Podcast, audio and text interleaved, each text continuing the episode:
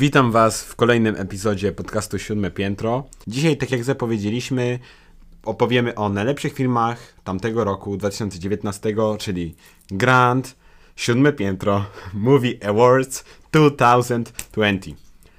Również pod koniec krótko Kuba wspomni o karcie Cinema City Unlimited, o której y, w poprzednim podcaście powiedział, że o niej wspomni, ponieważ ją przetest- zacznie ją testować, y, jego pierwsze wrażenia. Ale to na koniec, na początku zacznijmy właśnie od naszej nagrody, w cudzysłowie, dla najlepszych filmów. Także wybraliśmy sobie 13 kategorii e, dotyczących filmu i dwie kategorie odnoszące się do seriali. I zaczniemy może od, od filmów, Tak, bo zwykle. Za, więcej. no właśnie. Również y, chcemy powiedzieć mniej więcej, jak wybieraliśmy te filmy y, oraz aktorów, ponieważ to będzie. Y, będziemy również o nich mówić. Nie oglądaliśmy wszystkich filmów, na, to No na właśnie, pewno. no, nie oglądaliśmy 1917, ponieważ jeszcze nie jest dostępny w Polsce. Jojo Rabbit też jeszcze chyba nie wyszedł. Więc nie wszystkie filmy oglądaliśmy, ale obejrzeliśmy dużą część. Też Kuba obejrzał filmy, których ja nie widziałem i na odwrót. Nadrobiłem ponad 6. No więc nasze opinie mogą się różnić, ale wybieraliśmy mniej więcej w taki sposób, że do każdej kategorii każdy z nas miał przedstawić po jednym, jeżeli nie mógł się decydować po dwóch kandydatów. I wtedy razem wybieraliśmy, który byłby lepszy, żeby wygrać mimo wszystko. Czasami bo oboje no, mówiliśmy to samo, więc czasami po prostu będzie jedna osoba i nie będzie kogoś, kto jeszcze drugi nam wpadł do głowy, no bo obaj się zgodziliśmy, nie, a nie mamy większego grona, który, z którym decydujemy, więc życie. Dobrze, więc naszym, naszą pierwszą kategorią będzie najlepszy film z kategorii dramatu. Y, W tym przypadku y, ja miałem od razu bardzo prostą decyzję, w związku z tym, że nie oglądaliśmy 1917. Mój wybór od razu padł na Jokera. I ja z tych filmów, co oglądałem, nie mogę znaleźć nikogo konkurencyjnego. Y, Kuba, teraz ty. Teraz Ja muszę- również. E, kiedy Joker wyszedł w październiku, cały czas myślałem, że właśnie Joker będzie takim oczywistym wyborem, ale pod koniec tego roku na Netflixie pojawiło się Marriage Story i to trochę mi zawahało e, moją opinię, ale potem dzięki karcie Cinema City Unlimited jeszcze raz poszedłem na Jokera, żeby zrewatchować i być na bieżąco. E, jak, jak to jest po upływie dłuższego czasu, ten film w moich oczach jakby się widzi. No i w końcu też moim zdaniem właśnie, e, no Joker wygrał stanowczo. Więc jak na nasze warunki, gdzie nie ma 1917 Joker, póki co nie ma konkurencji. Chociaż podobno 1917 jest jeszcze lepszy, no ale nie mieliśmy jeszcze niestety okazji sprawdzić. A w tym przypadku nie było mimo wszystko problemu z wyborem, ponieważ jak sam Kuba powiedział, będąc nawet drugim razem, sam powiedział, że nie, to jest taki film, kiedy nawet nie patrzysz na zegarek, bo jesteś cały czas tak wciągnięty. Tak, byłem na tym filmie trzy razy i za każdym razem ani na chwilę nie spojrzałem, po prostu ten film tak potrafi wciągnąć i ta historia jest taka. Ja nie wiem, jakby tak za każdym razem czu- yy, masz takie, takie same emocje jak na pierwszym spektaklu. Tak. I to dodatkowo jest niby film, który zahacza o takie uniwersum superbohaterów, ale jednak, jednakże każdy może na niego pójść. Czy bo- zahacza? Nie zahacza. No zahacza, jest, jest historia jak powstaje Batman, bo tam No, ale zginą taki- rodzice. I jest Joker, który wszystko pochodzi od DC, ale nie zmienia to faktu, że na to może pójść każdy.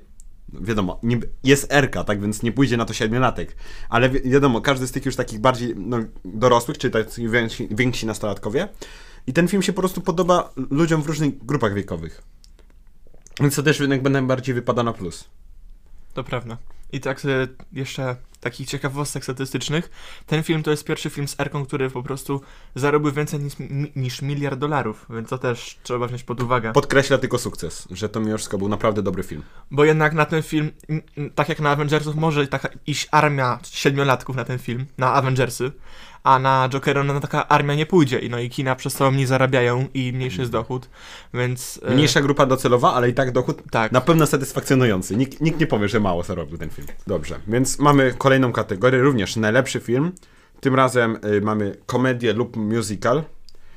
Jeżeli ktoś z Was się orientuje, to te kategorie są ciutkę podobne do tych z- m, Złotych Globów, ale niedawno były wręczone i nie powiem, że kategorie inspirowaliśmy się zarówno z Oscarów, jak i Złotych Globów, bo wszystko to są takie duże festiwale, co pomogło nam tak bardziej sklarować myśli. Dlatego są takie między I innymi wyróżnić kategorie. właśnie na te kategorie, no. No właśnie. E, I z tą kategorią mieliśmy o tyle większy problem, że po prostu było no dużo filmów.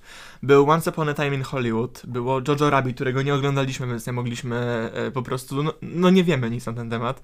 Było Knives Out i Rocketman, więc Ja niestety z tego filmów nie widziałem ciężki. Knives Out, co też mi trochę co powoduje, że mo- może być trochę mniej moja wypowiedź wiarygodna, ale w moim przypadku Rocketman uważam, że naprawdę był bardzo dobrym filmem, fajny, opłacało się iść, podobał mi się, ale jednakże jestem ogromnym fanem Quentina Tarantino i Once Upon a Time in Hollywood, mimo to, że dużo osób hejtowało, mówię, że ten film jest o niczym i w ogóle jest bez sensu, mi się bardzo podobał. I, I tak ma być na wers wersja na płytę, ma być jeszcze bardziej rozszerzona. I ją kupię tylko po to, żeby obejrzeć tą wersję rozszerzoną. Słyszałem chyba gdzieś na Twitterze było napisane, że Quentin Tarantino już ją rozszerzył o 10 minut. W formie podawane innych newsów, że tam nienawistna ósemka ma być rozszerzona do serialu, mi miniserialu na, na Netflixie. Więc możemy się spodziewać, że w przyszłym roku może się pojawić jaka, solidna 4-godzinna wersja tego filmu. Ja i tak to obejrzę, bo mi się jak najbardziej podobał. I wbrew pozorom, nie dużo mi się też. Nie patrzyłem w ogóle na zegarek. Oglądałem i po prostu bardzo mi się, no... Jak y, kiedyś y, właśnie czytałem o nim, to sam kiedyś ktoś powiedział, jakiś mądry człowiek, mądrzejszy ode mnie, że to jest taka laurka dla Hollywood od Quentina Tarantino. I dlatego nie, nie wszystkim może się to podobać. To jest taki bardzo specyficzny film. Prawda, o tej laurce wszędzie słychać, a propos Tak. pojawia się najczęściej w kłótniach os- pomiędzy osobami, które uważają, że film to arcydzieło i pomiędzy osobami, które uważają, że Film jest film słaby. jest po prostu o I o niczym, bo, bo te wątki, no powiedzmy sobie szczerze, te wątki nie mają żadnego sensu po prostu. No ale to jest trochę jego styl, w sensie, jeżeli ktoś z was oglądał według mnie jego najlepszy film Pulp Fiction, to zrozumie, że zrozumie, że Quentin Tarantino ma bardzo oryginalny styl. Jeżeli idzie się kogoś zabić w filmie, to normalny, normalny no, przeciętny reżyser skupi się na tym, że to wiadomo, zabójstwo, coś fajnego. A Quentin Tarantino skupił się na masażu stóp. Więc, no, to, to mówi samo o nim. No to właśnie podsumowuję tego reżysera Tak. wybitnego. Em, w moim przypadku było o tyle inaczej, że- właściwie podobały mi się trzy filmy i faktycznie nie wiem, któr- nie wiedziałem, którego w końcu wybrać. Było to Once Upon a Time in Hollywood, Knives Out i Rocketman. Knives Out obejrzałem właśnie też teraz ostatnio w grudniu w formie mojego nadrabiania filmów dzięki karcie Cinema City Unlimited. Możecie nas zasponsorować Cinema City. To by było bardzo, bardzo, bardzo fajne z waszej strony. No i Knives Out jest to film, który łączy gatunki komedii i kryminału i to jest moim zdaniem takie pierwsze dobre połączenie tych dwóch gatunków i e, Nie wiem, czy pierwsze, ale zdaje mi się, że już było coś podobne. Czasami się zdarzają, które są lepsze i gorsze, no ale... wyobraźcie sobie może morderstwo w Orient, w Orient Expressie, tylko dodajcie do tego tak na maksa humoru i dodajcie do tego takie plot twisty, że no po prostu nie da się u- Morderstwie w Orient w Expressie był plot twist. dodaj sobie większe e, plot twisty. Je, jeszcze wyobraź sobie, co tam było w Orient Expressie. Że się okazało, że tak naprawdę wszyscy są zamieszani A w tak, zabójstwo no, oprócz samego tego, co, co okazani rozwiązać zagadkę. A, weź, a tutaj właśnie e, pokazano. No, chodziło o to, że była tam taka opiekunka, która po prostu tam się opiekowała, podała mu morfiny za dużo na, na, narkotyków. On w końcu umarł, no i po prostu potem on powiedział na łożu śmierci, że ty zejdziesz na dół, coś tam, coś tam, potem przyjdziesz do, do pokoju, potem się przebierzesz, jakieś tam szerebere było. Takie tam były plot twisty, powiem ci, że no to było bardzo, no generalnie bardzo e, ciekawy film pod względem właśnie takim, że potrafił zaskoczyć w takich nieoczekiwanych miejscach, plus pojawiły się tam tacy aktorzy jak Daniel Craig i Chris Evans, e, znany z roli e, Kapitana Ameryki z Avengersów, a Daniel Craig jest znany z roli Bonda od ponad trzech lat, Ze Skyfalla, co najbardziej. najbardziej. A słyszeliście, że najnowszy James Bond, znaczy nie James Bond, to ma być Agent 007, to ma być czarna kobieta, ponieważ James Bond ma odejść ze służby i numer 007 ma zostać czarna kobieta agentka i w sensie, Tak, bo coraz częściej się mówi, że ten film teraz e, No Time to Die ma być ostatnim filmem z Danielem Craigiem. tak. Ale gdzie ma być Jamesem Bondem, ale nie 007. 007 ma być właśnie ta czarna kobieta. A, w ten sposób. Tak, Takie to- tak uniwersum robią, dobra. Tak ciekawie, chociaż no ktoś powiedział, Bond to jest Bond i no nie wiem, czy to im się Szymon uda. Ja już nie wiem, czy wierzyć takim, takim... E, szczerze mówiąc, ta poprawność polityczna według mnie trochę już przerasta to wszystko i te niektóre filmy są tak na siłę uprawnione politycznie, że tak to ujmę, że to jest bez sensu czasami już. Tak na siłę to pakują, żeby o, że główny bohater musi być gejem, musi być czarny.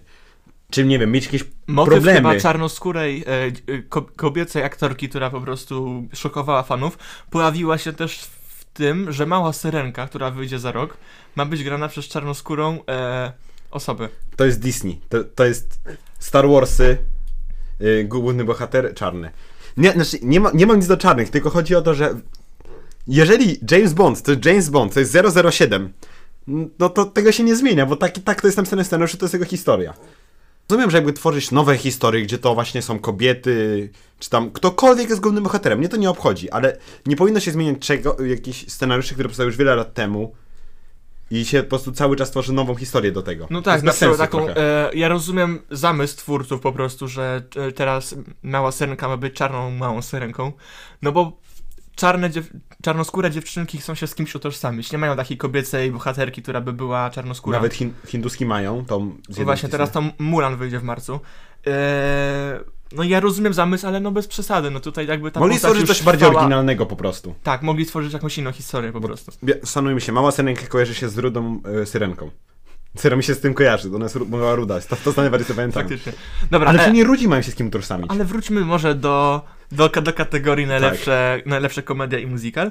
No i na e, kolejną pozycją, ta, którą tak nie wiedziałam, co z nią zrobić, był właśnie Rocketman, który przedstawiał historię Eltona- Johna i bardzo mi się ten film spodobał. Tak Kuba przez jak, niego jak, zaczął jak słuchać Jankowi. Eltona Johna, co pokazuje jak na niego wpłynęło. Jeżeli nie wiecie, jak bardzo na mnie wpłynął ten film, obejrzyjcie, konie... przesłuchajcie koniecznie czwarty odcinek, w którym mówimy o statystykach e, z muzyki. Tak, czyli poprzedni. Tak. E, Elton John się wbił po prostu w 6 miesięcy, no na topkę po prostu moją. E, I tak, żeby podsumować teraz tą, e, tą całą kategorię.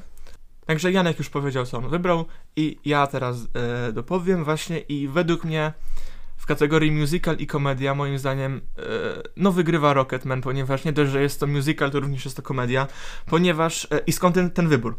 Ponieważ w Once Upon a Time in Hollywood nie widziałem za bardzo momentów e, musicalowych. Ale to jest musical lub komedia.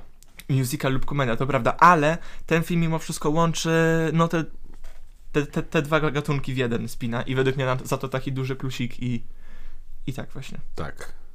No widzicie, mamy odmienne zdanie, no ale życie. Dlatego szczerze, często właśnie nie, nie lubię patrzeć na te nagrody, które się dostaje, te złote groby i tak dalej, bo mimo wszystko bardzo uważam, że to zależnie od kraju, z jakiego pochodzi dana nagroda, jest bardzo subiektywne spojrzenie na dany film. Co też bardzo według mnie fałszuje. Tak, na to też bo wpływają są trendy uwarunkowania kulturowe. i trendy, jakie panują na świecie. Mhm. No. no ale dobrze, no to bez kolejnych anegdotek i przechodzenia od tematu yy, nag- najlepszej nagrody do rudej, syrenku, do rudej syrenki, przechodzimy do kolejnej kategorii. Najlepszy reżyser. Dokładnie. Jak mówiłem w poprzednim podcaście, moi dwaj ulubieni reżyserowie to Todd Phillips od Jokera i Hangover oraz Quentin Tarantino, no, którego twórczość wszyscy znamy. No i obaj wypuścili w tym roku film. I w dodatku oba te filmy są naprawdę dobre. I to utrudniło mi naprawdę robotę. Ależ uważam, że trudno jest w ogóle stwierdzić, kto jest najlepszym reżyserem w danym roku, ponieważ jeżeli nie mamy, nie, dostajemy czystego scen- scenariusza, którego potem możemy porównać do tego, jak ostatecznie wyszedł film, trudno to stwierdzić faktycznie, y, no, kto najlepiej działał w, jako reżyser.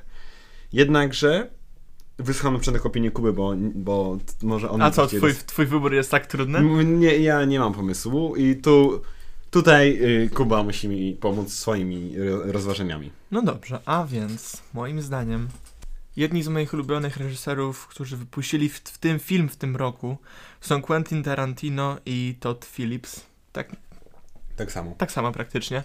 Mi się wydaje, że po prostu taka sytuacja To jest trudne po prostu. trudno Bo oba filmy są naprawdę super. W dodatku z różnego rodzaju filmów, więc to dodatkowo jeszcze utrudnia robotę. Że Jest Martin Scorsese nominowany, ale od, od Irishmana, ale tak w sumie ja Irishman też jest bardzo dobrym filmem, bo ja go oglądałem i to jest 3,5 godzinny film i na niego nie spojrzałem na zegarek przez 3,5 godziny. Usiadłem, obejrzałem całego naraz i to też pokazuje jego geniusz, jednakże to była adaptacja, co trochę ułatwia rolę reżysera, więc należy tutaj jak najbardziej y, mu pogratulować, bo zrobił dobrą robotę. Jednakże y, mój wybór pada na Toda Phillipsa, ponieważ Quentin Tarantino jest, myślę, najbardziej docenionym i jest znacznie większą gwiazdą wśród reżyserów, kiedy Todd Phillips mimo wszystko nie, jest znacznie takim mniej utytułowanym reżyserem, więc tak może, dlatego właśnie, że to mimo wszystko jest taki mniej sławny reżyser znacznie od Quentina Tarantino, bo osoby, które średnio interesują się filmami, tak wiedzą, że o, Quentin Tarantino, coś im tam ten, coś im tam, coś im tam, no tak, co nie? Moim zdaniem jest również tak samo, że Todd Phillips, e, według mnie on jest takim najlepszym reżyserem, ponieważ widzimy go po raz pierwszy w takim rodzaju filmu i on ro robi po prostu coś, wyszedł ze swojej strefy komfortu, można powiedzieć, tworząc... Od Hangover do Jokera. Joker. Jo jo. Jokera, Jokera. no właśnie. Generalnie robił coś nowego, bo jak wiemy Hangover to była taka głupia komedia, tutaj to jest taki mroczny, taki mroczny, e, ciemny dramat e, opowiadający o, o psychopacie, a Quentin Tarantino z kolei po prostu robi swój dziewiąty film i moim zdaniem wyrobił swój styl na przestrzeni już tych dziewięciu filmów i za bardzo tutaj to nie ma już takiego nic takiego specjalnego Jednakże wciąż zaskakuje, bo mimo wszystko, jeżeli ktoś oglądał i ostatnia scena, no jedna z ostatnich scen, kiedy jest taka scena walki, y, bardzo mi się podobało ujęcie, y, kiedy Brad Pitt, jeżeli dobrze pamiętam, wziął jednego z napastników i walił jego głową A, o tak. parapet na kominku. I powiem szczerze mówiąc, ujęcie jest genialne. Po prostu oglądasz i jest takie. I również y, jak Leonardo DiCaprio jedne, spalił jednego swoim miotaczem ognia, jednego z napastników, który wpadł do basenu, to on go podpalił. I tam była kamera w wodzie w sensie, czy... czy... Nie, to było tak z boku, ale to mimo wszystko A, dobra. super ujęcia. Ale mimo wszystko Quentin Tarantino jest bardziej utytułowan, utytułowanym i tak Todd Phillips, bo to mimo wszystko Zrobił nowość i zrobił coś i zrobił to od razu super, więc Poza tym ta scena na schodach, no to jakby... Tak, tak. Muzyka na schodach i cała scena schodowa jest piękna. Nawet tak tylko dodam, że tutaj e, najlepszym reżyserem był Sam Mendes od 1917 i on wygrał Złotego Globa. Ale nie, Ale nie, nie- mamy porównania, nie mieliśmy nie na wiemy filmie, nie ma go jeszcze w Polsce. Kolejną kategorią jest najlepszy e, Scenariusz. scenariusz. I sytuacja jest trudna, również jest trudna. ponieważ... Dla ciebie jest trudna, naprawdę? Tak, Kogo tak wylosowałeś? W sensie... Trzy filmy. W tym roku zdawało mi się, że nie będzie super filmów. Jednak pod koniec roku faktycznie te dobre filmy, Jak to nie? które Myślałeś- zasługują... Ale nie. W drugiej połowie roku wyszło większość tych filmów, które faktycznie... Dobre. Od początku roku było wiadomo, że ten rok będzie taki naprawdę wyjątkowy pod względem ilości i Tak, dobrej ale produkcji. oby przez pierwsze pół roku nie było takiego filmu, który zrobił takie naprawdę porządne wow. Więc w najlepszym screenplayu mam znowu... Co najwyżej zrobiło takie sam. To jeszcze sam był śmieszny. W razie mam znowu Ktoś problem. w ogóle pamięta ten film? Ja tak, mi się bardzo podoba. Ja w ogóle zapomniałem, że ten film wyszedł w tym roku. No, możliwe.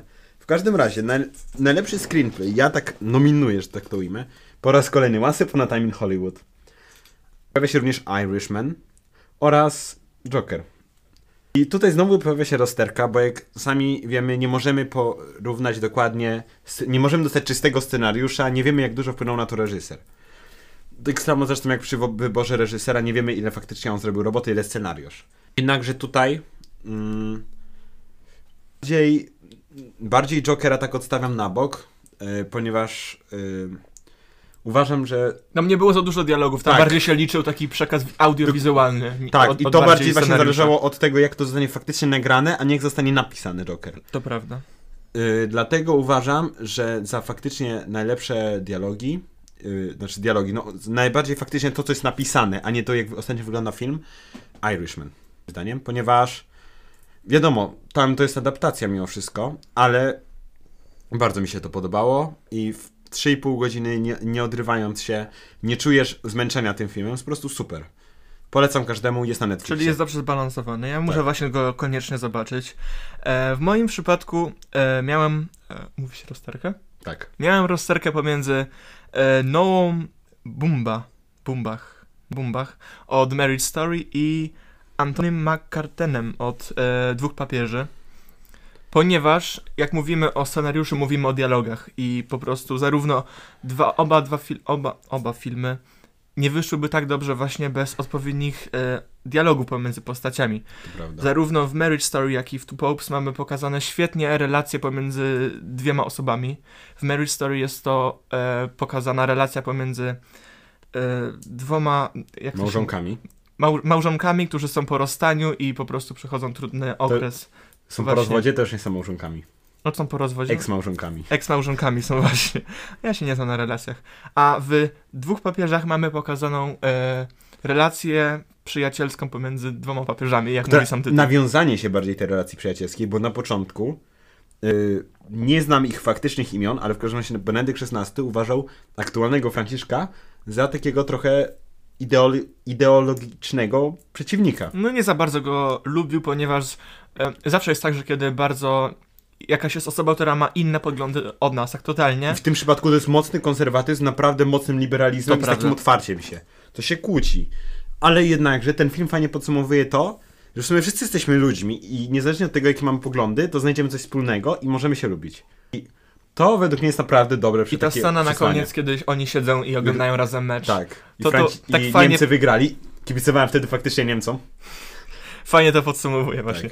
E, a jeszcze wracając znowu do Mary Story, oprócz tej relacji e, ex-małżonków, jak to nazwaliśmy, e, jest rewelacyjnie pokazana kłótnia e, małżeńska, ex-małżeńska i jest to najbardziej realistycznie przedstawiona kłótnia małżeńska w historii kinematografii, moi, moim zdaniem po prostu. Nie wiem jak wygląda rozwód, ponieważ e, go nie przechodziłem, prawda? Kuba jeszcze się nie ożenił, jakbyście nie wiedzieli. Jeszcze, jeszcze trochę brakuje. taki fun fact. Ale moim zdaniem właśnie no jak można sobie wyobrazić e, jeżeli sobie wyobrażacie jak wy, może wyglądać kłótnia małżonków, to właśnie Noah Bumbach niesamowicie niesamowicie to przedstawił i Bardzo fajne imię i nazwisko, poza Eee. tym to też plusuje. i tak i, i finalnie po prostu e, Mary Story wygrywa u mnie e, złotą złote siódme piętro. Złote siódme piętro. Taka złote siódemki dajemy. Nie, dostajemy apartamentowce rozdajemy na gdzie siódme jest piętrze. tak, tak, i na siódmym piętrze się palą światło tylko. Tak, penthouse rozdajemy, tak, tak. tak, tak. Dokładnie. Ale penthouse na 7 piętrze to tak trochę słabo. Na 70, na 70 piętrze rozdajemy. Tak. Ale cały czas szacuneczek dla Antonego McCartena za dwóch papieży. On może dostać co najwyżej takie parter. No, damy mu pierwszy piętro, żeby tak patrzył na, na, na, na żulków z góry chociaż. Tak, możemy tak powiedzieć. Kolejną kategorią jest najlepszy aktor i potem najlepsza aktorka. Ale najpierw najlepszy aktor. Więc tu, tu już było trochę łatwiej niż przy scenariuszach i A, i jeszcze trzeba powiedzieć, że to jest w dramatach. Tak, nie. A więc dla mnie było tutaj troszeczkę już mniejszy problem wybrać najlepszego aktora przynajmniej, ponieważ bez dłuższego zastanowienia y, aktor grający Jokera Kuba y, powie jego imię, nazwisko, nie chce się skompromitować. W każdym razie y, nie propsujemy za trudne imię. Powinien, niech sobie, nie wiem, ułatwi. Jeżeli ktoś oglądał Friendsów, y, to tam właśnie y, jeden z nich musiał sobie znaleźć pseudonim, który ma być łatwy do zapamiętania. To tutaj też powinien ten pan zainterweniować swoje imię, ponieważ King Phoenix. E, pan Joaquin Phoenix dostał tego coś w tym rodzaju, można to tak uznać. Ale aktor grający Jokera, jakby ktoś nie wiedział, ponieważ wcielenie się w taką rolę jest, on to super zrobił, no to jest genialna gra aktorska. Joker jest absolutnie zagrany genialnie, to była naprawdę trudna postać. I ten realistyczny śmiech, a poza tym on do tej roli schudł kilkanaście kilo, co też pokazuje jego zaangażowanie i to też propsuje. Pro, tutaj wybór był w miarę prosty dla mnie. Ja miałem o tyle trudny, że e, zdecydowałem się wsadzić e, kilka osób. Może inaczej. Joaquin Phoenix wygrał u mnie za najlepszego aktora, ale po prostu jest tyle dobrych aktorów e, poza nim, tak, takich, Na przykład Ben takich Swallow. jak... Bez przesady. Adam Driver za rolę w Mary Story, albo Jonathan Price za rolę w Dwóch Papieżach, albo chociażby Tauron Egerton w Rocketmanie i Daniel Craig w Knives Out oraz Leonardo DiCaprio w Once Upon a Time in Hollywood. Wszyscy zasługują na pod, podkreślenie, na uwagę, o. Ciężko powiedzieć tak naprawdę, kto, kto, kto ma wygrać i e, Powiem tak, może inaczej. Jeżeli by wybrać drugie miejsce, to jest absolutnie niesamowicie trudne, ale dla mnie pierwsze miejsce jest najbardziej klarowne na, na ten, ponieważ ta rola była jedną z najtrudniejszych i to też trzeba, trzeba na to patrzeć. Także z tych powodów zdecydowałem się. E, Janek tego nie chciał robić, ponieważ on nie ma żadnych takich em, osób, które mogłyby dostać nagrodę za najlepszego aktora w kategorii komedia i e, musical, ale moim zdaniem po prostu. No, oglądałem fil- wi- więcej filmów niż Janek, dlatego mam tych. E, ma, mam te nominacje. I za aktora, który grał w musicalu albo komedii, powinien, e, powinien dostać nagrodę siódmego piętra. Wyróżnienie. Najwyżej. Do siódmego piętra. Wyróżnienie. Nie, ponieważ opowiedziałam, że zrobiłem e, na aktorów w komedii i musicalu. Oni mogą dostać teraz e, pół e, mieszkania na siódmym piętrze, Tak, podzieli się razem z tym, co dostał za najlepszą komedię. Pół dla komedii, pół dla dramatu. e, bo ty nie masz aktorki na, w musicalach. To W oni, ogóle, ja też duży miałem problem z aktorkami. to oni, to oni se podzielą jakby te mieszkania na dwa. Więc moim zdaniem Tauron Egerton wygra w, jako aktor w komedii i musicalu. E, i, on, I on walczył u mnie z Danielem Craigiem w Knives Out, ale on miał moim zdaniem tak trochę dziwnie się zachowywał w tym filmie, ponieważ wyobraźcie sobie takiego chłopaka, który ma mutację i, i on nie, nie potrafi za bardzo, nie ma dostępu do pełnej gamy jakby e, dźwięków i potrafi mówić tylko na jednym poziomie, wiesz o co mi chodzi, nie? Rozumiem. że nie potrafię mówić tak jakby tak wysoko, wysoko, albo tak bardzo takie tak, nie umiem, no tak basowo bardzo. E, no i on tak się właśnie tak zachowuje, czyli ma taki straszny, taki płytki, e, płytki głos i to tak trochę personalnie nie podobało. Dokładnie, pięknie to zinterpretowałeś. Twoje myśli w słowa, tak, Ja nie potrafię w tym języku mówić. żadnym. Dokładnie. Więc przechodzimy teraz płynnie do najlepszej aktorki. Mieliśmy duży problem, ponieważ nie byliśmy na filmie Judy. Ja byłem. Ja nie byłem na filmie Judy. Dzięki karcie Cinema City Unlimited. Nadal czekamy na sponsoring. Telefon cały czas stoi, odbierzemy go w każdej sekundzie. Cinema City, pamiętaj, że jeszcze mamy dla was osobny segment na końcu. A jeżeli nie jesteś Cinema City, to pamiętaj, ty też możesz poczekać na koniec. Tak. Chcesz zostać naszym sponsorem. No, to też. W każdym razie, mm, tu, tu się wypowiem na temat najlepszej aktorki, ponieważ nie widziałem dwóch filmów, gdzie, gdzie te aktorki były naprawdę dobre, czyli Marriage Story i Judy. Więc no ja nie mam za bardzo nic do powiedzenia. Więc O, jeszcze jest Little Woman, które wyszło w, w listopadzie chyba. Też na tym nie byłem. Wiem, ja też, bo to wyjdzie dopiero pod koniec stycznia w, Pol- A, w no, Polsce. no dobrze. E, no, więc e, zaczynajmy. Aktorka, która grała Judy w filmie Judy, nazywa się I. Zelwer... Zelweger.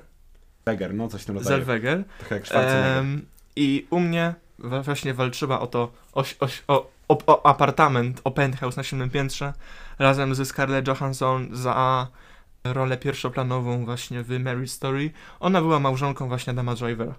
Bena, Swallow. Bena Swallow. tak. No i już na starcie powiem, że wybór był ciężki, ponieważ oba filmy były bardzo podobne pod względem emocji, jakie te bohaterki pokazywały. Zarówno obie były niestabilne y, emo- emocjonalnie. Chcę tylko powiedzieć, że co 5 sekund powtarzamy wybór był ciężki, ale faktycznie te wszystkie wybory były ciężkie. No, możemy wam przyrzec, na 100%. To nie jest tak, że my wydłuszamy ten Jeżeli podcast. komuś się nudzi, może policzyć ile razy to powiedzieliśmy. Był ciężki. Dobra. E, a więc tak. Oba e, bohaterki w tych filmach pokazywały podobne emocje, czyli smutek, załamanie, złość, agresja, e, totalny płacz i histeria. Więc wybór był ciężki Ale Scarlett powodu. była też fryzjerką. Johansson. Johansson. A tak, i to plus, bo, bo strzygła Bena Swallow. Każdy chciałby strzyc Bena Swallow. Ben Swallow. Na przykład to głowę. Nie, dlaczego? On jest dobry. Może nie, nie jest dobry jako, jak, jako jako ten, Ben Swallow. jako, gdzie on jest teraz, jako, jako Sith, czy jako ten z Imperium, czy ten, no, zły, no, ten Tak. z czerwonym mieczem takim. Em, więc, mieliśmy, wybór był ciężki. e, ale, moim zdaniem, miejsce się należy pani Renée Zellweger. Rolę Judy w filmie Judy. Judy w filmie Judy. Ponieważ oprócz tego, że niesamowicie pokazała emocje, to przy okazji pokazała, że ma też wybitnie świetny głos do śpiewania, bo jakbyś nie wiedział, Judy to była taka piosenkarka amerykańska. Akurat wiem więcej o, o co chodzi w filmie. Tak A, dobra. E, więc e, mieliśmy taką okazję zobaczyć i taki koncert i moim zdaniem przez to to nie, nie była żadna muzyka e, dubbingowana oryginałem, to e, właśnie dlatego pani, e, pani Zellweger u mnie wygrywa cały apartament na siódmym piętrze. Penthouse. Penthouse. Brawo!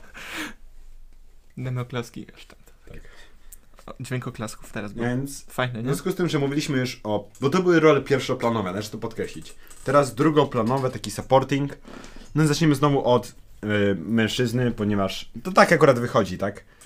Zatem actress kró- krócej od actress, tylko dlatego zaczynamy od mężczyzny.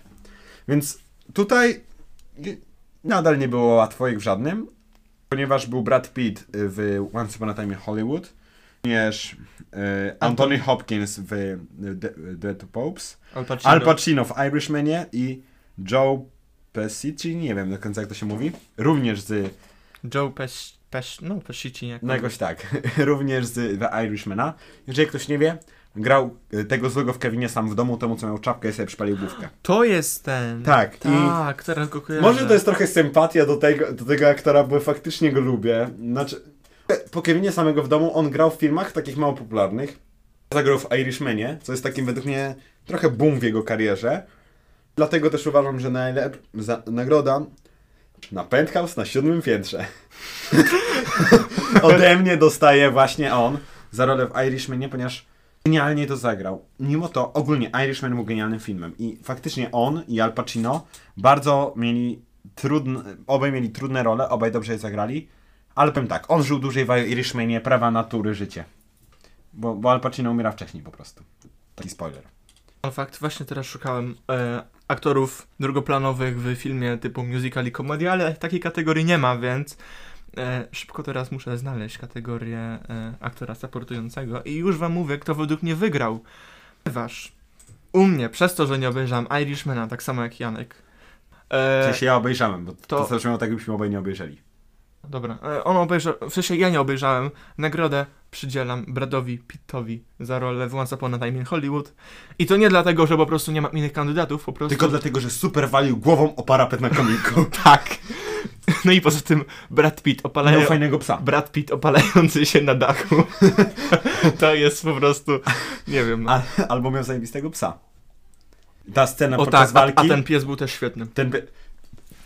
Teraz nagroda dla najlepszego zwierzaka w filmach. Nie, ale jeszcze roku. oprócz tego, według mnie e, połączenie Leonardo DiCaprio z Bradem Pittem potrafiło zagrać e, w tym filmie i bardzo chciałbym zobaczyć ich duet w jakiejś innej produkcji. Na przykład gdyby Brad Pitt był rolą pierwszoplanową, a Leonardo... To jest tak na odwrót, taki reverse tak, card. tak, tak. Tylko nie wiem, czy Leonardo by się na to zgodził, bo on ta, taka, taka, wiesz, Taka taki, gwiazdeczka się zrobiła. taki, do... taki posz jest. Dostał jednego Oscara i od razu. O. A właśnie, tak to wygląda, drodzy Państwo.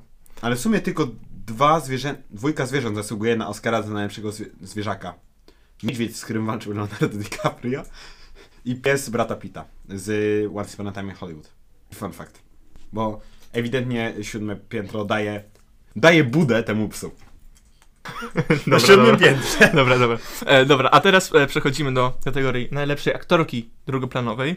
E, I tutaj totalnie nie mamy e, żadnej osoby, która by mogła do tej kategorii wejść.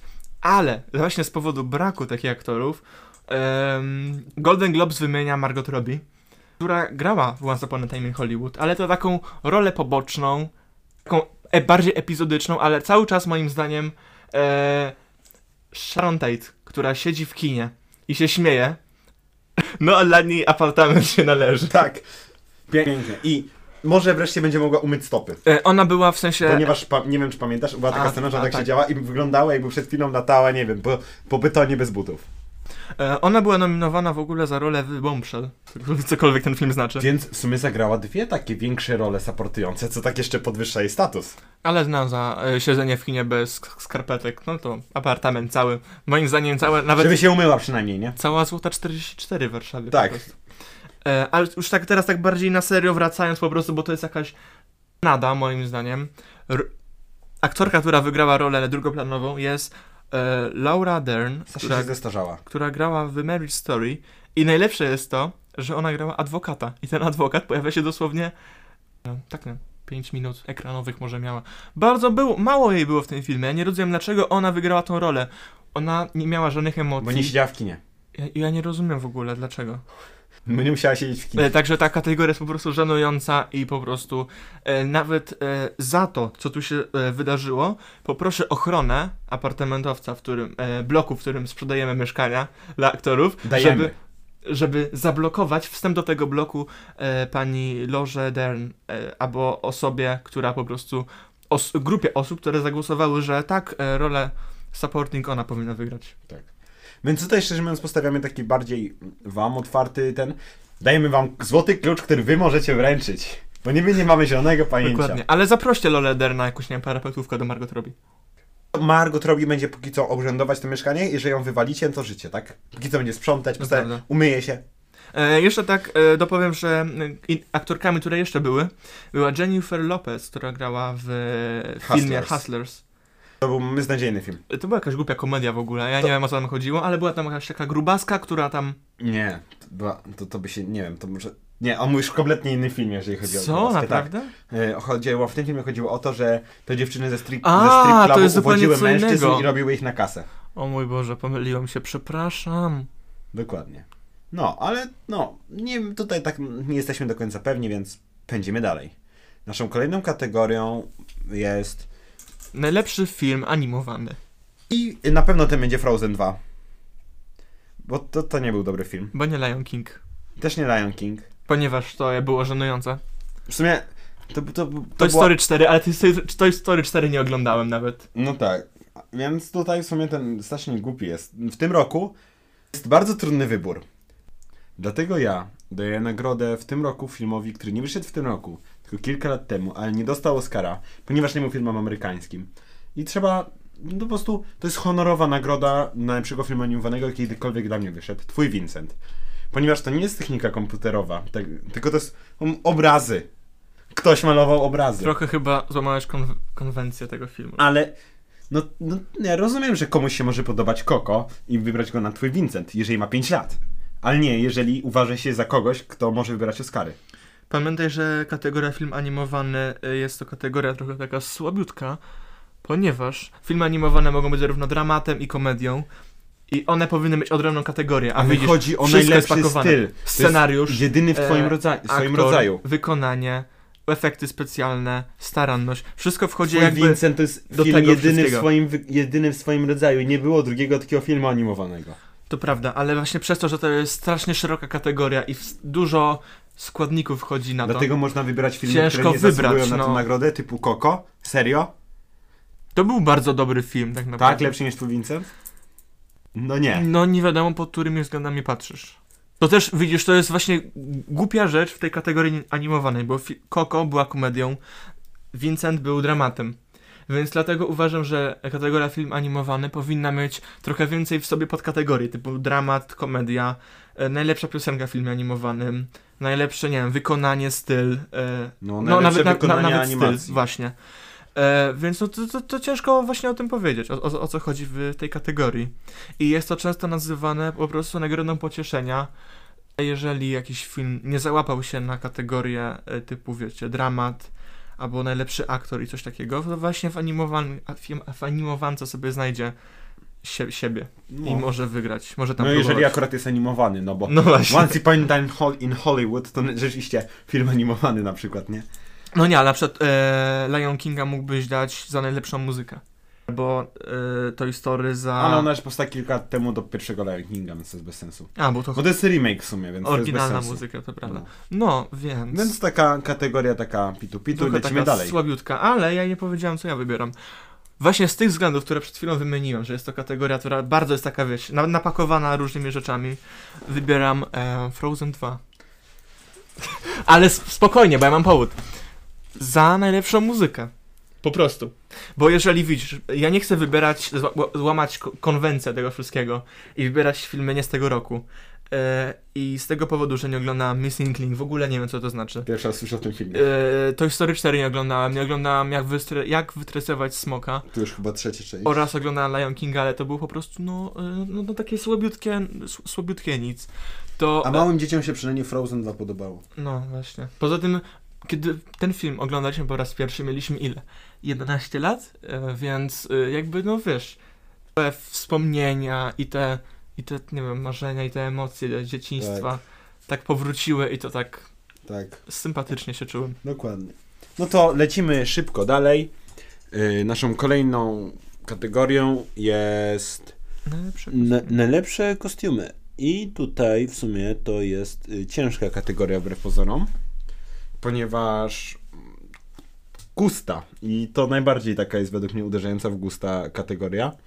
Ale kostiumy, które były naprawdę świetnie zrobione, kurczaczki to było w wielu filmach i to jest właśnie problem kolej. No to jest ewidentnie problem, to nie jest łatwe, jak już cały czas powtarzamy. Dlatego też Ciężka decyzja po prostu tutaj. Chociaż u mnie nie było ciężkiej decyzji. Tak? Kogo wybrałeś?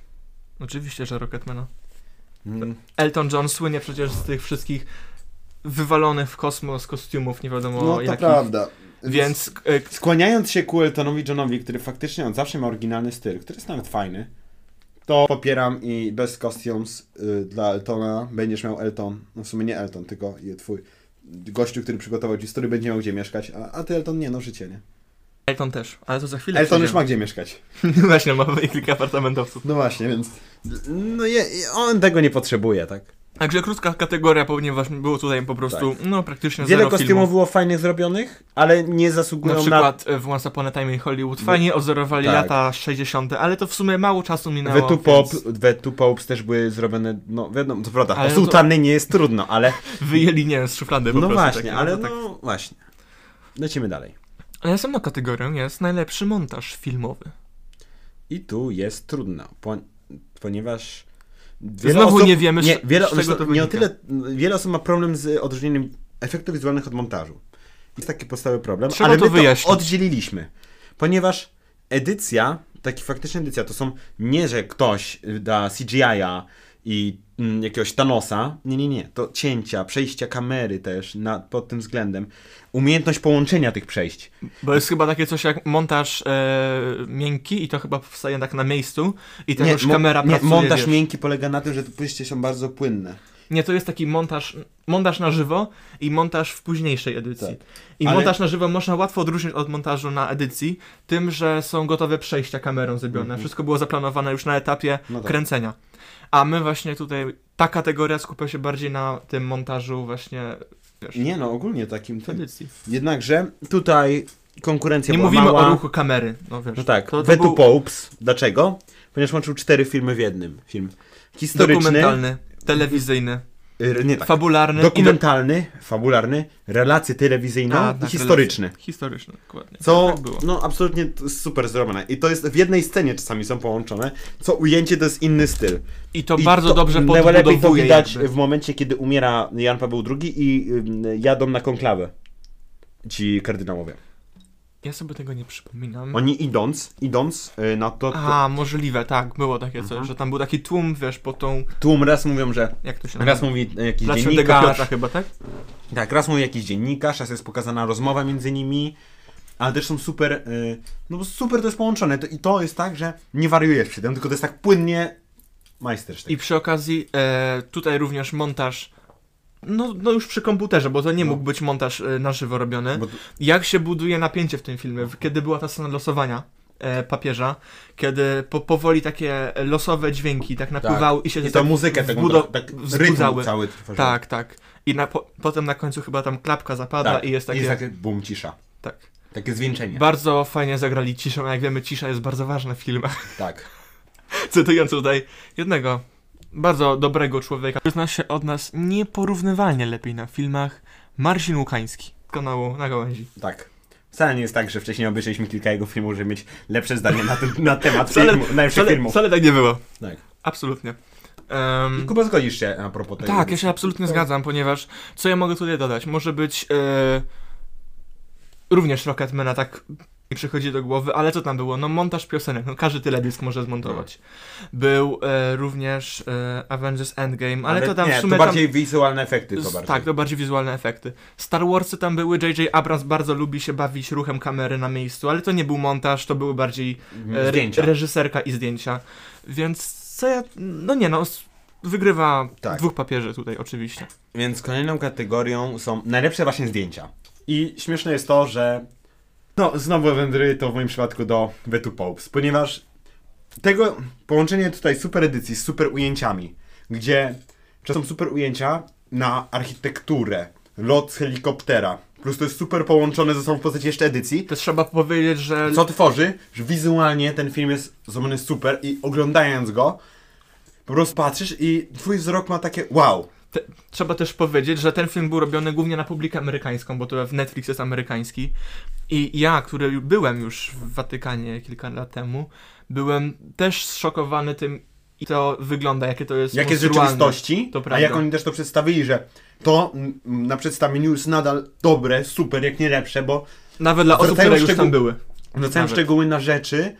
Niby jest aktor, który coś mówi, ale dla niego tłem jest on, jest pokazany od klatki piersiowej w górę, Nawet czasami od szyi. właśnie od szyi. Jest widok, widok załóżmy na jakieś malowidła, freski i to są super ujęcia. Niesamowite są wnętrza Watykanu. To prawda. Fajnie sobie żyje ten Franciszek teraz. Właśnie, za, wiesz, kto ma kasę, ten ma dobrą, kasę, ten ma dobrą chałupę, nie? No. No, co więcej, na najlepsze zdjęcia również był Joker, bardzo wyśmienitym filmem. E, gra, e, gra brakiem światła. Tak, W kadrze. w metrze było super to przedstawione. Mhm. Wtedy co zabił ty, tego, tych tam dwóch, A, trzech tak, ta, ta bijatyka w metrze. A też na Bijatego strzelanina, przeciskanie się przez tłum w metrze Tak, też to było było też super nagrane. e, druga scena. No ale Two Popes mimo wszystko. Dodatkowo jeszcze połączenie- połączenie, bo wiadomo, mogą być dobre ujęcia, a jeżeli ktoś jeszcze zrobi tak super edycję, to jedno podkreśla drugie. Trzeba powiedzieć, że no, zdjęcia były wszystkie kręcone na miejscu i ludzie po prostu już wiedzieli, co jest dokumentalne, co jest fabularne Tak. i takie przeskakiwanie pomiędzy tymi scenami Nie jest też łatwe. nie jest łatwe. Trzeba też pamiętać, że em, kiedy były relacje do, do telewizji, kadr się zmniejsza do, do jakości 4 na 3 z 16 na 9 Tak, chyba. bo to, to, to wybór Benedykta XVI na papierze był dawno temu. Wtedy standardem było 4 na 3. No tak, tak. Co też fajnie, że to pokazali.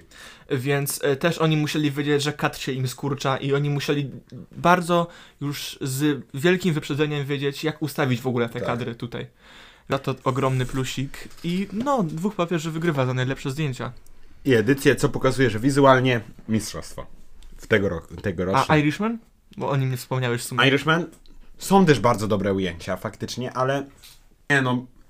W, Irishmanie wszystko jest bardziej gra scenariuszem i ponieważ tam główny bohater jest narratorem i on nadaje y, tempo całej historii. I to nie, nie zaprzeczy, że zdjęcia są dobre i są naprawdę super, ale do, brakuje bardzo do Two Popes. Tam są takie bardziej statyczne, czy tam tak się kamera, wiesz, rusza, tak. To statyczne mimo wszystko, zależy, A, zależy nie, tak. też zależy, bo są momen- momenty zabójstwa kogoś przez mafię i to jest już bardziej dynamiczne, ale no, Mhm.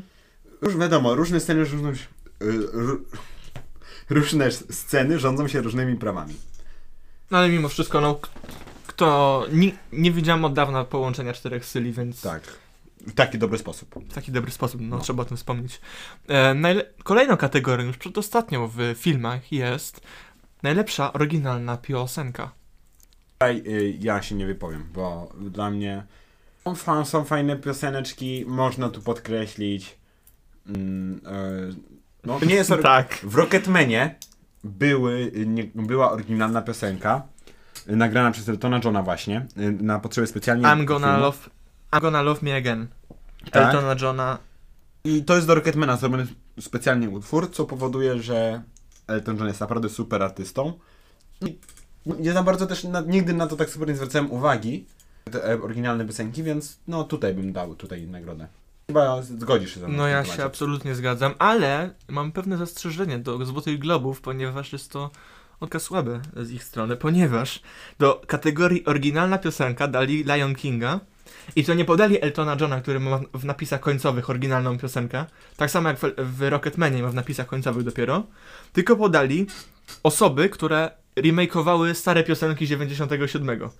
Jesteśmy w kategorii oryginalna piosenka, więc... No bo to jest remake, Kuba, ty, ty się nie znasz, tak? To, No ale jeszcze był e, z Frozen 2, No ale- Into the Unknown. Ten dwa miało spoko muzykę, ale brakowało ewidentnie do Frozen 1. Let It Go było zdecydowanie lepsze. Tak. A poza tym, no, powiedzmy sobie szczerze, Elton John e, piosenkę wypuścił, Gonna Love Me Again, spotkał się ze swoim e, człowiekiem od pisania, którym nap napisał tak naprawdę każdą piosenkę od lat 70. już. Więc za to, że się, wiesz, zebrali do kupy i napisali to razem, tak jak za dawnych czasów, też powoduje, Zawsze takiego fana jak ty. no, tak, Taki smaczek. można powiedzieć. No, no to szybko przeskakujemy do kolejnej kategorii. Najlepsze efekty wizualne. CGI. CGI, właśnie green screeny, jeżeli są mniej zaawansowane produkcje. No i tutaj w sumie podpadają w ogóle takie z większych produkcji, tylko Star Warsy Takie i... bardziej, e, jak to się nazywa? Podpadają pod tą kategorię blockbustery. Tak. Czyli faktycznie Star Warsy, y, Endgame. Filmy robione na kasę, gdybyście nie wiedzieli, co to Tak. znaczy. I no, w sumie no ten, no były jeszcze inne, w których było tak efekty specjalne typu Shazam, tam waliły pioruny. No to w sumie tyle. No i co jeszcze było? No i to w sumie tyle. Można powiedzieć, że wie- tak. tak, Większych tak, tak, efektów tak, tak. specjalnych. Tutaj nagroda jest oczywista, bo generalnie Tak. i efektów specjalnych w W Star Warsach. Endgame jest po prostu nie do pobicia. Musimy sobie powiedzieć, że film, w jaki sposób był nagrywany, był, jest po prostu śmieszny. Thanos, który chodzi z przyklejoną główką Na patyku. e, metr nad, nad, nad jego głową, Roya Tonego Starka, Tora, e, Spidermana. Spidermana. Wszyscy chodzili w jakichś takich, nie wiem, W śmiesznych w kostiumach. piżamach, e, takich, wiesz, po, No koszulka połączona ze spodniami, taka jakby cała taka piżama. No i w, tam w 10% filmu nie było w ogóle, nie istniało, wszystko powstało w montażu. E, Ale Star Warsy, nie oszukujmy się, I Star okazji- Warsy opierają się na montażu, ponieważ lata się cały czas w kosmosie, jest mnóstwo na innych planetach, gdzie są strzelaniny z laserów i mi się to podobało. Montażowo, znaczy y, pod względem efektów specjalnych, to, to mi się to podobało. Tutaj opinie są sprzeczne. nie możemy ja zapomnieć o tym, że no jednak Star Wars New Hope powstało w 77 roku, a efekty specjalne jak, wiesz, statki sobie latały w kosmosie jakoś tak podobnie to wyglądało tak naprawdę. No tak, W ale... tym filmie dodali takie skoki w przestrzeni, że tam Tak. co, co planetami skakali. tak, i To, to, też było ciekawe, bardzo tak. fajna scena. Ale to mogli to zrobić równie dobrze bez żadnych komputerów y, 40 lat temu i chcę byłoby tylko na to samo. że, Wyszłoby na to samo. że Disney również miał skoki w y, Garden of Galaxy i to wyglądało praktycznie identycznie, jak w Star Warsach. Tak, ale co tam jeszcze było w Star Wars? No, No, nic Imperator powiedzieć. walący prądem w y, statki, to, było- to mi się bardzo... Ta scena zrobiła na mnie dobre wrażenie, naprawdę fajnie. Co mogę o tym filmie powiedzieć jest to, że no tam bardzo fajnie pokazali y, CGI w ciemności. Tak. Bo jak, jak wiemy, kamery mają duże ziarno mimo wszystko i Tak. psuje się ta jakość. A Ale Disney ma pieniądze na takie kamery, które nie mają ziarna, nawet gdy nie ma światła. No, bo to Disney, tak? No dobrze. To... Ale no tutaj się różnimy, ponieważ Zdania- ja wybrałem Endgame'a. A, a ja nie lubię filmów Marvela. Jeżeli, e, ch- ch- Chyba, że Guardian jeżeli of the Galaxy. nie wierzycie mi, dlaczego wybieram Endgame'a, to wystarczy obejrzeć jedną scenę, scenę, która się, tu, gdzie się otwierają portale. Ona jest praktycznie w, na końcu filmu, w akcie trzecim, zamykającym cały film. I moim zdaniem to Ale w najlepiej, jaki sposób, i to było naprawdę nie, dobrze najlepiej zrobione. oglądać backstage z robienia filmów y, przed, jak to wygląda przed montażem. Tutaj mogę podkreślić, że oglądałem kiedyś backstage walki Flesza, który bieg, w trakcie jego biegu. I on był w, o, opasany w takiej, na takiej ręce był, tak, która go tak trzymała, po to, żeby on mógł być bardzo wychylony, praktycznie być równoległy do podłogi i jeszcze, że niby biegnie w kółko. I to go trzymało, żeby on się w ogóle nie wywalił. I ci aktorzy musieli jeszcze tak to robić wszystko w zwolnionym tempie. To bardzo fajnie wyglądało. E, Ja widziałem Więc też, polecam oglądać backstage. widziałem też backstage właśnie a propos tego Endgame'a, gdzie walka z Thanosem, ta ostatnia, gdzie tam już prawie, wiesz, kamień zdobywa i takie tam takie tam rzeczy, to oni to robili w ogóle w slow motion i jak wiesz, jak to, że takie, tak, tak, wiesz, tak, tak powoli ruszali Fajnie się. wygląda nagrywanie slow motion. Mi się zdaje, że oni to nagrywają milion razy, dopóki ekipa się nie przestanie śmiać z tego. Znaczy, ja, ja w ogóle nie wiem o co w tym chodzi. To są dobre kamery, to są rady za ponad 200 tysięcy dolarów jedna sztuka, a oni Bo to jest bardziej naprawdę, naturalne, mi się zdaje ale też. wiesz, takie, takie kamery powinny mieć zwolnienie. Mają, na pewno w edycji mogą to To, zrobić. to były nawet, wiesz, to były kamery statyczne, to nie było tak, że kamera się rusza, więc tam mogli spowolnić, zrobić, nie wiem, 200 klatek to nagrać. No. W 200 klatkach. E, I no byłoby moim zdaniem lepiej niż, wiesz, niż tak się bawić takie wow. No ale to może, może to jest taka technika po prostu. Nie tego nie zrozumiemy. Nie zrozumiałem. Ale no dobrze, prawda. to na tyle byłoby z filmami. Idziemy teraz do seriali. Powiem szczerze, było tyle trudno, że ja nie obejrzałem praktycznie żadnych seriali, które wyszły co najmniej jeden sezon w tym roku. Z takich większych produkcji to The Witcher, o którym mówiliśmy. Ja obejrzałem wszystkie odcinki i co mi zapunktowało, że Maciej musiał szybko umiera. To jest ewidentny plus. Minus jest to, że w ogóle wystąpił. I dlaczego jak najbardziej na plus, krytykujesz? bo nie pasuje do tego filmu absolutnie. A najbardziej, co mi się podobało w tym serialu, Jaskier i ogólnie aktor i najlepsza piosenka. I Toss a coin to your witch. Toss a coin to your witcher. O Valley of Plenty. Tak, i to jest super piosenka. I co jeszcze in... I inny serial, którym w tym roku wyszedł, i to jest w ogóle ogólnie wyszedł po prostu w tym roku, nie. No w sumie tak samo jak The ten Politician. Politician, obaj A to w oglądaliśmy, kategorii musical i comedy. ale ogólnie podkreślam te, które mi się podobały. A, tak ogólnie. Tak. I y, dlatego na drama y, postawię na Witchera właśnie. E, a na Best Musical Comedy postawię na The Politician.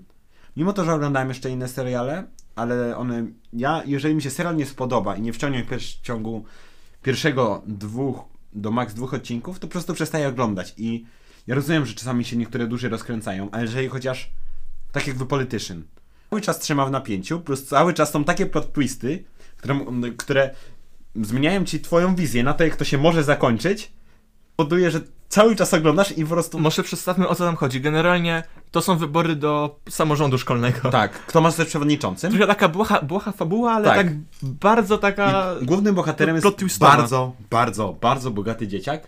Jest adoptowany przez bardzo bogatą rodzinę, ale przez to jest też bardzo bogaty.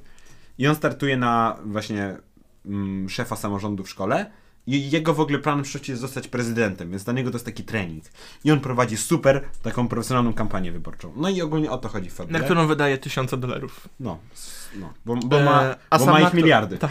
A sam aktor grany jest przez Bena Plata, który... Sama postać jest grana przez aktora Blena Plata. A, Aktor nie jest grany, kolego. Tak? A, dobra. Sama postać jest grana przez aktora Bena Plata.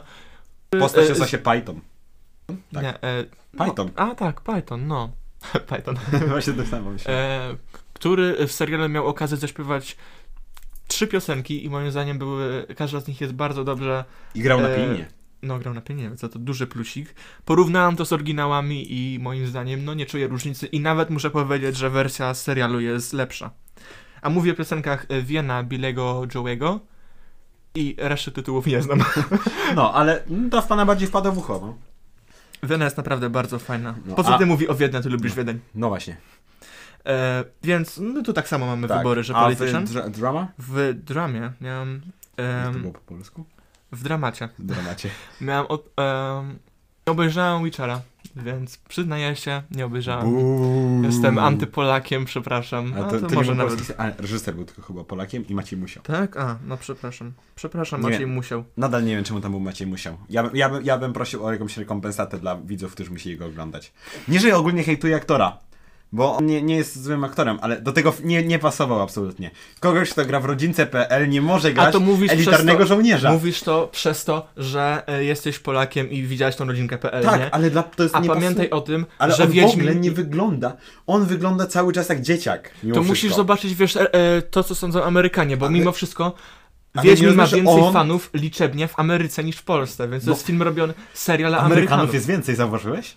No ale, no, Nawet gdyby wszyscy Polacy lubili Wiedźmina, to nadal to byłoby jakieś 30% Amerykanów. mimo wszystko ten serial obejrzy więcej Amerykanów, więc Tak. to robione dla nich, więc Ale chodzi o to, że zagra, Maciej tak musiał naprawdę. wyglądał zbytnio dziecinnie dla mnie i tak, no nie, no nie wyglądało to dobrze po prostu. Ale tak, zgadzam się z tobą akurat w tym aspekcie. E, I u mnie w dramacie, z powodu tego, że po prostu, no nie oglądam najnowszych e, seriali po prostu, bo jakoś nie mam na to czasu i generalnie A nie to tak za bardzo... starych seriali z lepszych po prostu. No tak, nie interesuje mnie to, wie- wiele seriali jest lepszych, a poza tym o wiele bardziej szanuję filmy. E, a poza tym mam kartę Cinema City Unlimited. Masz też Netflixa, Apple TV Plusa, Prima i HBO Go. Mam, tak, mam, mam wszystkie platformy, więc e, mogę oglądać, ale tak w sumie. Nie masz tylko CDA Premium. Jest, je- jest takie też, że kiedy masz tam bardzo dużo, wiesz, możesz się wyjść po prostu za TDA Premium. Kiedy masz dużo produkcji, kiedy ci, wiesz, każda platforma rzuca tymi produkcjami, to za bardzo już nie chcesz niczego oglądać, bo Tak. tyle z tego jest, że czujesz się taki przytłoczony, że a może po prostu nie. No, dokładnie, też tak. E, dlatego, przez to, że nie obejrzałem praktycznie żadnego serialu, a w listopadzie wyszła platforma od Apple, e, Apple TV Plus, i chciałem po prostu przetestować, jak to wygląda i co o tym sądzę, to e, obejrzałem cały serial, jeden z pięciu, The Morning Show, w którym gra Jennifer Aniston, która grała we Francach, Jednym oraz- moim ulubionym sitcomie. mhm, oraz Steve Carell, który grał The Office, w moim ulubionym sitcomie. I no, Taki crossover. tak, taki, taki gro- crossover. Zrobiony specjalnie dla siódmego piętra. Ehm, Jesteśmy ta- głównym targetem na świecie. tak, moim zdaniem. Ehm, poza tym e, serial był jako jedyny z produkcji Apple TV Plus 2019 nominowany do jakiejkolwiek nagrody. E, I osobiście też tak odbieram, że był po prostu bardzo wyśmienitym i fantastycznie zrobionym serialem i dlatego daję mu nagrodę apartamentowiec. Patrzcie. Brawo. Jennifer Aniston musisz się niestety pomieścić. Nie no, może takie dwa piętra, żeby Steve Carell dostał. No, ale też pół... nie będzie siódme piętro, to nie. To nie może być. Kurde. To, To no, może rozwalmy ścianę. piętro. Rozwalmy ścianę, ścianę od kogoś tam i obok i nie, nie. będą mieszkać w trójkę. Okej. Powinni się zgodzić. Dorobimy tam im sypialnię w jakimś tam remoncie. No. To byłoby na tyle z naszych nagród. I teraz przeskakujemy do kompletnie innej tematyki, czyli Kuba ok- pokrótce powie wam o swoim eksperymencie z kartą Cinema City Unlimited. Na starcie pragnę zaznaczyć, że to będzie ostatni segment e, tego podcastu, więc jeżeli Was to nie interesuje, to możecie po prostu przeskoczyć e, na zakończenie, żebyście usłyszeli pożegnanie nasze, em, albo po prostu wyłączyć, jeżeli Was to nie interesuje akurat. Um, a więc tak pokrótce jest Cinema City Unlimited. Cinema City Unlimited jest to karta w rodzaju abonamentu. W sumie to jest abonament, bo się płaci regularnie co miesięczną kwotę e, 46 zł albo 55 zł, w zależności czy mieszkacie w Polsce do pierwszego, w Warszawie do drugiego, ponieważ kin Cinema City w Warszawie jest po prostu więcej, więc Cinema City postanowiło podnieść cenę o dodatkowe 9 zł i taki abonament się płaci em, co miesiąc. Kino, żeby ludzie nie wykorzystywali em, tego abonamentu, postanowiło wprowadzić em, takie coś jak okres próbny. Okres próbny to jest e, 12 miesięcy, więc jeżeli chcecie spróbować kartę Cinema City Unlimited, to musicie wziąć ją na okres próbny, testowy, 12 miesięcy. Więc to, co Janek powiedział a propos eksperymentu, to też tak trochę słabo, bo to jestem w sumie, stałem się więźniem Cinema City na, kolejne 12 miesięcy, więc super, naprawdę, bardzo A się moje cieszę. pytanie jest tylko takie, czy te 12 miesięcy coś kosztowało? Czy to jest darmowe 12 miesięcy? E, powiedziałem to tak, że się płaci w War- Warszawie 55 zł i w Polsce 46 zł. Warszawa jest za, za, za drogę. Ja wyjeżdżam. Pa. tak, właśnie. E, jakie, jakie są korzyści z tej karty? Otóż są takie, że do kina można chodzić nielimitowaną ilość razy przez okres, w którym się płaci. E, te 55 zł miesięcznie. Bilety są za darmo. A jeżeli załóżmy, chcesz pójść na seans i idziesz do kasy i mówisz, że chcesz to miejsce, czy po prostu wbijasz na salę od razu? Nie, nie, nie, musisz. nigdy nie kupowałem przez kasę, bo jakoś tak nie lubię ludzi. Ale przez internet. no, musisz. przez internet, tam trzeba się zalogować i wybierasz e, A, podczas czyli nie możesz tak sobie wbić, że nagle się okazuje, Nie. że zaj- że zająłeś komuś miejsce i nie E, ma miejsca. Nie, nie można zaj- zajmować kogoś komuś miejsca po prostu. E, tak, właśnie. Więc e, to wygląda to tak, że kiedy się e, zakupiło bilet w internecie, wybierając po prostu opcję płatności Cinema City Unlimited, to wygląda to tak, że e, podczas kiedy już chce się wejść do sali, trzeba pokazać e, dowód zakupu karty albo kartę samą z, z twoim zdjęciem. Karta jest imienna i e, jeżeli chcecie zrobić to tak, że no wykupię na przykład na moją żonę, a pójdę z mężem albo tam kolegą i koleżankę tam jeszcze wpuszczę przy okazji innym razem, to nie wyjdzie, ponieważ e, no karta jest imienna i, i to zabezpiecza to, żeby po prostu jedna osoba nie korzystała, e, żeby z jednej karty nie korzystało, nie wiem, 12 osób na przykład. Jeżeli masz jednocześnie żonę i męża, to polecam. O, to dziwna rzeczywistość by była, to prawda. Dzi dziwnie, dziwna sytuacja, naprawdę, nie polecałbym tego. Pytanie brzmi, czy oni wtedy też byliby w małżeństwie? Czy ty byłeś jedy- jedynym łączącym ich małżonkiem? A może to ona by łączyła ich? A może to... Wiesz, bo A może on? poprawność polityczna. Dokładnie, bo to nigdy nie wiadomo. Nie, nie wiadomo. A może tam jest dwie żony i jeden, mę- jeden mąż. No to też różnie to bywa właśnie teraz w dzisiejszych czasach. E, oczywiście Każdy tutaj... robi... Każdy robi to, co lubi. Dokładnie, tak jesteśmy. Jesteśmy bardzo tolerancyjni tutaj w Bez tym ale. podcaście. Bez ale, to prawda. Trzeba zachować pewien jakiś tam, wiecie, poziom mimo wszystko. Em, i jest taka sytuacja. E, darmowy wstęp ma się na filmy 2D. Ma się fi- d- darmowy wstęp na filmy 2D. E, To będzie hałasować. Jeżeli chce się pójść na film e, 3D, albo do IMAXa, albo na 2D Screen X, ma się tam 270 stopni generalnie e, e, obrazu, albo e, takie kino w 4DX, trzeba dopłacić e, troszkę pieniążków. Ale cały czas wychodzi się na plus, spokojnie. To nie jest tak, że tutaj kino was zaraz oskamuje. E, bilet do IMAXa, tak przykładowo, kosztuje normalnie ponad 30 zł, e, a bilet na 2D kosztuje 23 zł. Co oznacza, że gdybyście chcieli... E, tam są kubki. Co oznacza, że e, gdybyście chci... gdy, gdy macie kartę Cinema City Unlimited i chcecie zobaczyć film w 3D w IMAXie, to nie płacicie właśnie e, dwa- 33 zł minus 23, czyli 10 zł, płacicie 4 zł. E, na 270 stopni płacicie 8 zł, a na 4DX koszt, ko- kosztuje to chyba 16 zł. Wiecie, dużo takich benefitów ma się, bo to różniące się fotele, powietrze i takie fajne feature'y jeszcze. Nie rób z tego za długiego segmentu, bo to wyjdzie jakby faktycznie nas sponsorowali, do- dostaniemy za to kasę.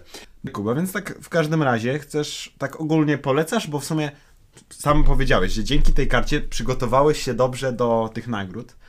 Pod niektórym aspektem lepiej niż ja, więc czy możesz to faktycznie polecić? Tak, ja ogólnie bardzo uważam, że e, jestem bardzo zadowolony z tej karty, tego abonamentu i e, uważam, że wybór ten, jeżeli chcecie, nie wiem, bo to kosztuje tyle samo co Netflix i HBO i albo Miesięcznie. Prime, albo tam cokolwiek innego. W sensie przeliczenie na miesiąc. Tak, jeżeli was bardziej interesują filmy, uważam, że e, to jest lepszy wybór niż, niż Netflix, moim zdaniem.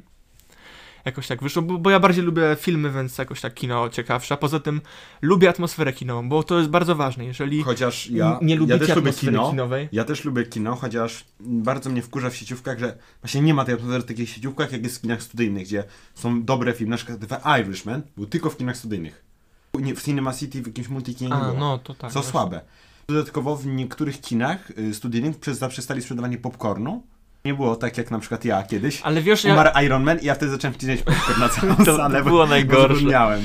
byłem trochę na ciebie wtedy zły, ale to nieważne. E, po, e, także tak, może... Czyli ogólnie fanom kina, ludziom, którzy naprawdę ch- chodzą dużo do kina, tak, chcą ale a, zacząć więcej a, chodzić, a, polecasz. a propos tego popcornu, bo mówię ci, byłem w kinie e, sześć razy w przeciągu trzech dni i e, wkurzało mnie tylko dwa A razy Ma się zniżki na popcorn, tak? e, zniżkę na... Po, a właśnie, e, Na jedzenie ogólnie. Na jedzenie ma się zniżkę 10%. To jest taka beznadziejna zniżka. Mm. Popcorn kosztuje 19 zł duży, ja płacę 17, więc tak No. Okej, no. w sumie to nic. Ale po roku ma się 25%, kiedy już się A. zostaje na drugi rok z nimi. No i to w sumie tyle mogę, można powiedzieć. Bardzo polecam dla ludzi, którzy lubią atmosferę kinową i lubią oglądać e, nowości, e, nowości filmowe w ogóle. I są zainteresowani w ogóle w świecie filmowym. Uważam, że jest to bardzo dobra, bardzo dobra okazja, żeby się zaznajomić bardziej z filmami, które... Lub nadrobić po prostu zaległości. No, nadrobić również zaległości. E, co ważne, Cinema City oferuje jeszcze e, pokazy specjalne tylko dla klubowiczów i pokazy przedpremierowe. Na przykład e, ten film Jojo Rabbit wychodzi 24 stycznia, ja mogę na niego pójść już 14 stycznia. No. To W też każdym takie razie- są. Chcę podkreślić, to o dziwo nie jest sponsorowany film, a y, Wyślijmy to do Cinema City. to o dziwo nie jest sponsorowany podcast, epizod podcastu, jednakże jakbyście chcieli nas spons- zasponsorować i żebym ja też miał taką kartę i żebyście Kubie oddali pieniążki i byście na myśli. Nie, no ale nieważne. nie, be- bez przesady Chodzi o to, jeżeli by ktoś chcieli nas sponsorować, my jesteśmy otwarci.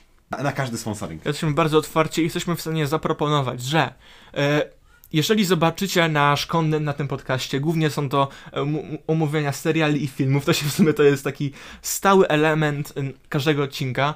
E, uważam Cinema City drogie, że e, Fajne, polecasz. bardzo polecam, e, żebyście z nami jednak podjęli współpracę, bo jeżeli by, by się tak stało, będziemy mogli e, wspominać o was w każdym naszym pod, epizodzie Dokładnie. i, i mówić o nowościach kinowych na podstawie was, że byliśmy Tak. na premierze właśnie w Cinema City na przykład. Mamy dużą publikę. Dokładnie. Bardzo no dobrze, dużą. no to to byłoby na tyle z tego, no takiego trochę innego epizodu. Nadal Bardzo ciekawego. innego. W końcu każdy u nas epizod jest specjalny. Miem- m- ze mamy, ma, względu zarówno na treść, jak i specjalnych prowadzących. mamy nadzieję, że e, sposób wręczenia nagród wam się spodobał. Tak, oryginalnie. Mieliśmy problem trochę z, de- z podpisaniem kontraktów z deweloperami. Tak. Nadal jest lepiej prowadzony niż gala Oscarów, na którym mm, wygrał. Nie, nie było Ni- ni- prowadzących. Nie, niby wygrał La La Land, a się okazało, że jednak to był prank. Więc są pewne plusy, więc jesteśmy już Ty lepsi. wiesz, że ja nigdy nie oglądałem gali żadnego ro- rozdania Ja nagród? też nie. Ale w każdym razie to byłoby na tyle. Żegnamy was. Z tej strony był Janek. Oraz Kuba. Pamiętajcie, obejrzyjcie Oscary. Będą w, Tak. w, w tym I nasze, wysłuchajcie poprzednie podcasty i możecie nas zasponsorować. Mail y, biznesowy jest w opisie podcastu. Dokładnie. No. Żegnamy, papa. Drogie Cinema City. Polecam kartę Cinema City Unlimited.